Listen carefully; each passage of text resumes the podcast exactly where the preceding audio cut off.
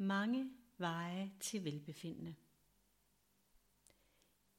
Healing, behandling og heling går hånd i hånd på vejen til at blive et mere helt menneske.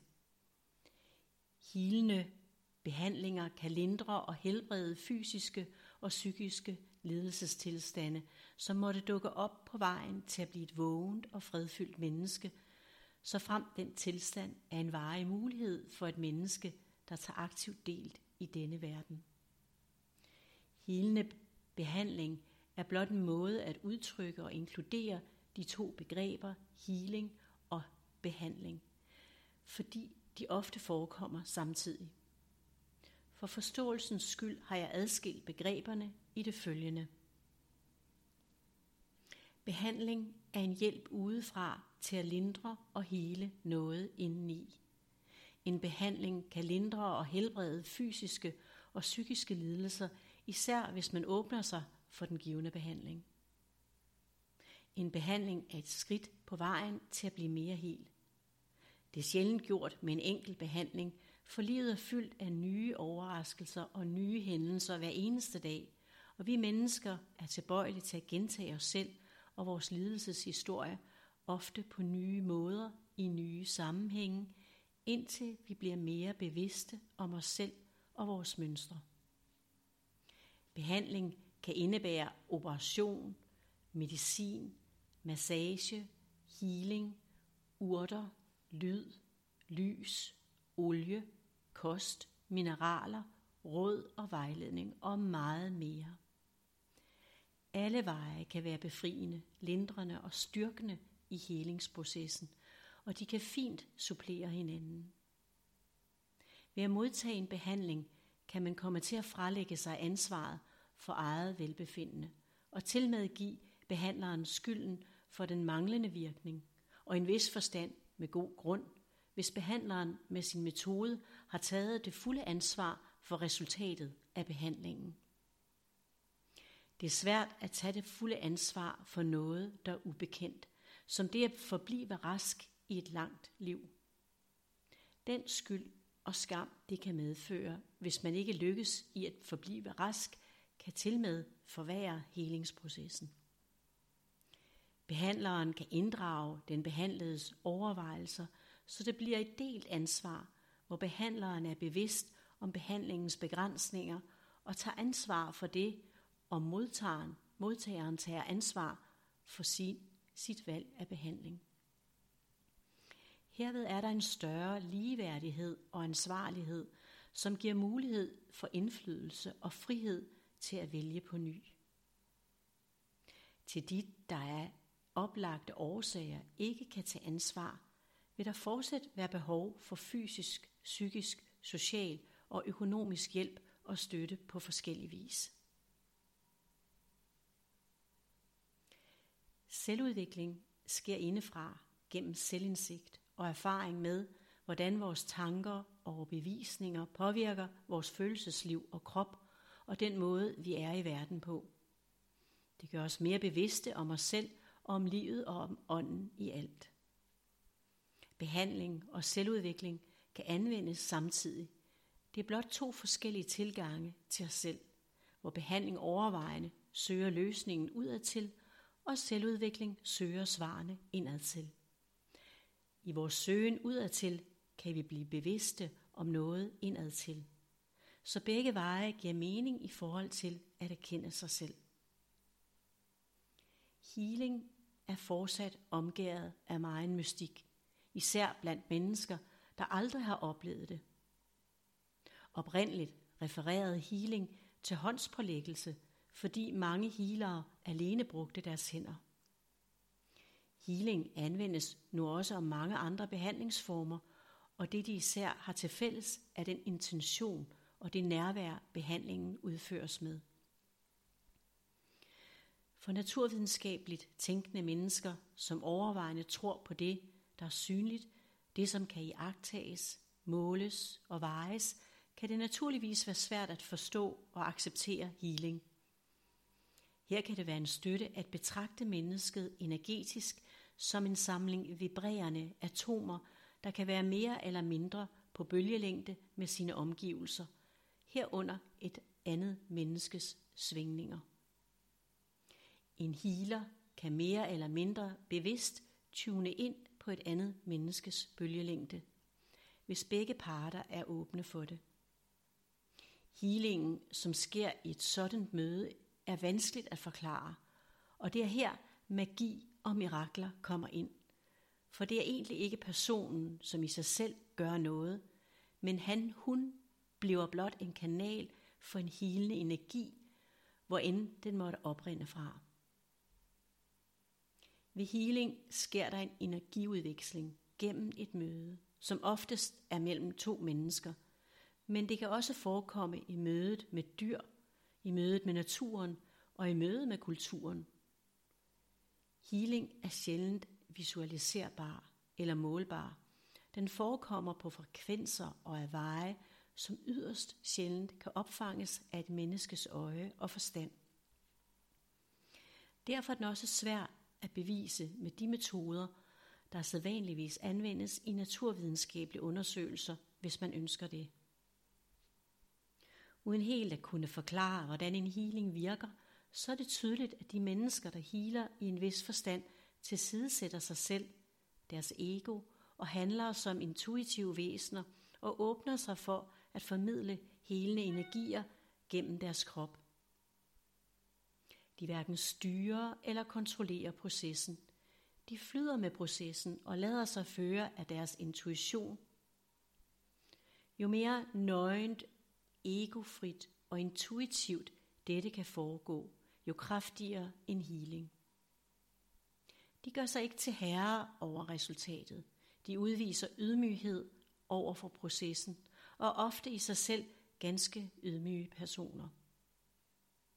Folk, der har prøvet healing af den slags, ved, at det virker.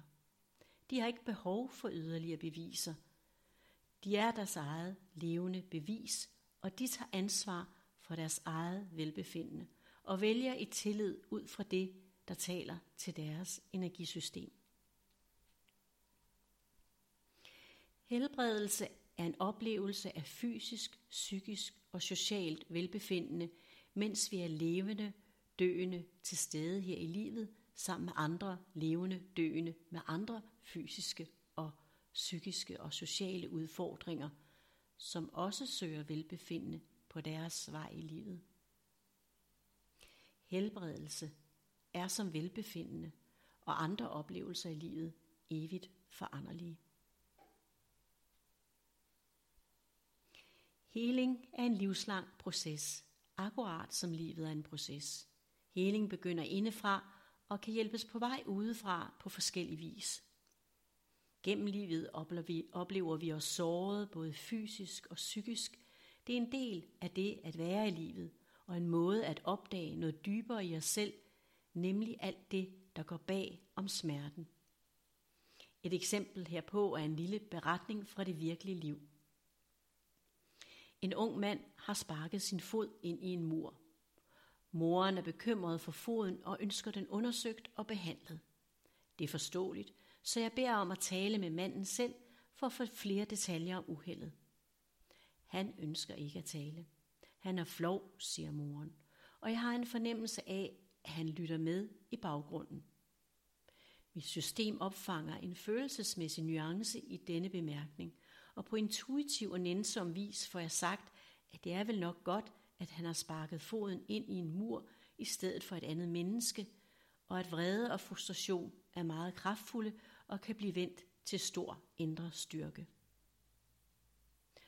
Moren opfanger det og forstår, og hun fortæller, at det rent faktisk er et problem. Og jeg synes at høre et lettelsens suk i baggrunden fra den unge mand.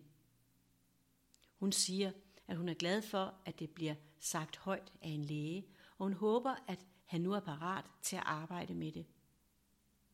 Jeg sender ham videre til skadestuen for at få undersøgt og behandlet den fysiske smerte. Og det er mit indtryk, at de selv vil tage hånd, videre hånd om den følelsesmæssige smerte, for nu er han mere åben for det. I mit stille sind tænker jeg, at hvis den følelsesmæssige smerte fortsat ignoreres, så kommer den unge mand muligvis igen, og måske med en brækket hånd, og hvem ved, måske i følge af en anden ung mand med en brækket næse. Det, der umiddelbart viser sig som et fysisk problem, udsprang fra hans psyke som en manglende evne til at forstå og håndtere sin vrede og kende sin styrke. Det er både en smertefuld og berigende proces, når vi udvider os selv, eller rettere sagt udvider vores bevidsthed om os selv, og finder ind til en dybere forståelse af den måde, vi agerer og reagerer på. Herunder kan vi også finde ind til den kerne af væren, som altid er der, uanset den ydre smerte, hvad enten den er fysisk eller psykisk af oprindelse. Heling handler først og fremmest om at hele os selv. Derved kan vi hele andre mere eller mindre bevidst. Heling af kroppen er en iboende evne, som især finder sted i indre ro. Heling af kroppen har en absolut grænse for levende mennesker. Heling i bevidstheden i ånden er en uendelig proces. Når kamp og kontrol slippes, og i overgivelsen til indre ro, kan en helingsproces begynde. Heling, som omfatter indre ro, selverkendelse og ansvar, kan hjælpe mennesker videre i deres forløb, uanset om det er et skridt mod helbredelse eller i accept af, at det er tid til at forlade dette liv. Heling kan hjælpes på vej udefra, gennem alle vores sanser. Syn, lyd, berøring, bevægelse, ord, tanker, følelser, smag, duft, føde, handlinger, ro og stillhed. Kun fantasien og egne overbevisninger og erfaringer sætter grænsen for mulige veje, og de kan anvendes samtidig, som det måtte behage. Der er ingen forkerte valg, når man vælger at betragte alle valg som en læringsproces. Åbenhed kan åbne for nye muligheder og nye veje, som vi hver især måtte vælge i vores eget tempo, velvidende, at vi gør det bedste, vi evner i øjeblikket. Intet mindre. Kosten, vi indtager, er farvet af vores individuelle erfaringer, følelser og vaner – Samtidig er det noget, de fleste af os nyder og gerne vil samles om hver eneste dag, og ofte flere gange om dagen. Kosten fylder meget i vores liv, og er samtidig livsvigtig. Den giver også anledning til rigtig mange meninger og diskussioner. Kroppen er foranderlig og har en stor tilpasningsevne i forhold til ændringer i vores miljø, herunder vores kostvaner. Tænk her på alkoholikeren, som i overvis lever overvejende af alkohol, uden nødvendigvis at lide under fysisk sygdom. Han lider sikkert på anden vis, hvilket gør, at han har svært ved at tage ansvar for eget liv, for hvorfor drikker Jeppe? Kroppen er i et vist omfang robust og tilpasningsdygtig. Det er svært at anbefale en og samme kost til alle for kroppens behov varierer fra tid til anden hos den enkelte. Det er samtidig vigtigt, at det vi indtager arbejder med i helingsprocessen for at give den nødvendige indre ro, så alene derfor er det vigtigt, hvad vi spiser. Spiser vi eksempelvis med uro og væmmelse ved kosten, giver det også et fysisk ubehag. Så vores følelsesliv og madvaner er også forbundet med vores fysiske velbefindende. Det giver god mening at indtage det, som opleves godt i kroppen, og som samtidig er tilpas næringsrigt i det lange løb. Kroppens behov skifter ofte fra tid til anden. At følge det, som kroppen ved, vil over tid give en passende variation i kosten, som til gode ser dens behov for mineraler, proteiner, fedt og kulhydrater. Herudover er der hensynet til vores omgivelser, miljøet og dyrene, som også påvirker vores indre miljø. Indtager vi giftige kemikalier og hormonforstyrrende stoffer gennem længere tid, påvirker det vores kroppe. Vi kan også true andre levende og bevidste væsener, dyrene, gennem vores spisevaner, så der er andre hensyn at tage ud over de menneskelige. Kost er lige så individuelt som alt muligt andet, når det handler om velbefindende og et godt liv. Vi kan kun handle mere bevidst og spise med større opmærksomhed, og derigennem selv opdage, hvad der opleves bedst. Ingen andre kan gøre det for os, men de kan støtte os i at blive mere bevidste om vores vaner, overbevisninger og følelsesliv, også de, der måtte være uhensigtsmæssige og skadelige på sigt. Kærlighed til alt, hvad vi rummer, er den største healer. Kampen mod os selv modarbejder healing og virkningen af enhver behandling. Kærlighed til os selv handler om at anerkende os selv på alle områder, både vores skyggesider og vores styrker. Herunder slippes behovet for ydre anerkendelse. Indre ro er væsentlig for vores velbefindende, og kroppen heler bedst i en tilstand af indre ro, frem for en tilstand af pres og ængstelse. Derfor er det vigtigt at være i ro med de valg, man træffer. Kærlighed til os selv og fra andre giver indre ro. Styrkelse af egne ressourcer omfatter, omfatter lidt af det hele. Det handler om hvile, ro, nærende kost, nærende relationer og selvudvikling, der styrker de overbevisninger og vaner, som bringer indre ro i kroppens følelsesliv. Kort sagt, selvkærlighed. En holistisk tilgang handler om at erkende og leve efter, at vi er en helhed af krop, sind og bevidsthed.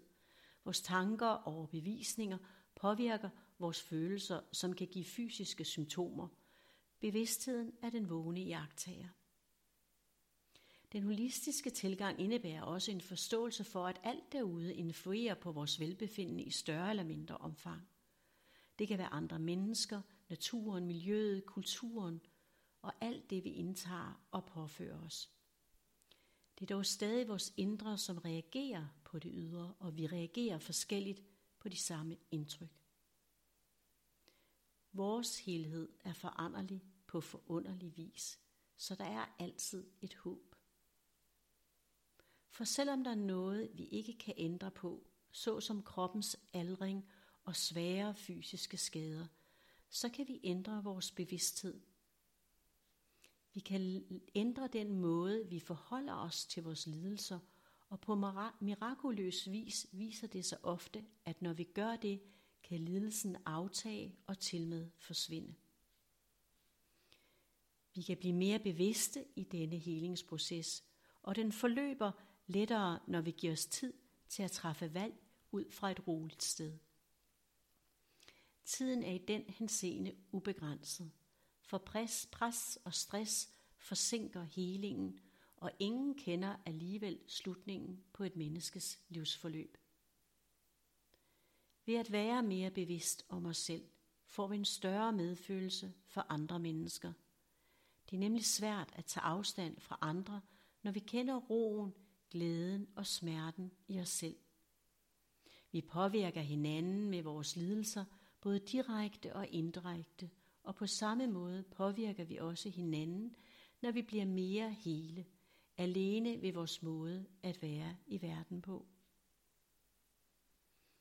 Hvilke veje det enkelte menneske måtte vælge i forhold til behandling og til at blive mere bevidst, nærværende til stede i livet, har mindre betydning – det væsentligste er, at vejen opleves sand, for det giver en umiddelbar indre ro. Modstand og modvilje udløser en kontraktion i kroppen, også i de indre organer, og kan sidestilles med at være i en kampflugttilstand, som i sig selv forsinker eller forhindrer helingsprocessen. At være overvejende i indre ro gør det lettere at møde nye udfordringer. For selvom vi lever i en foranderlig verden, i en forunderlig krop, er der altid en kerne af ro i vidsheden om vores egen dybeste eksistens. Resumé Der er lige så mange veje til velbefindende, som der er mennesker. Her omtales behandling, healing, heling, kosten, kærlighed, indre ro og styrkelse af egne ressourcer ud fra en holistisk tilgang. Vi er alle helende mennesker i en forunderlig proces, som er uden for vores fulde kontrol. Vi kan genvinde indre ro og styrke vores egne ressourcer, så vi bedre kan leve med det livet byder os og de valg, vi træffer.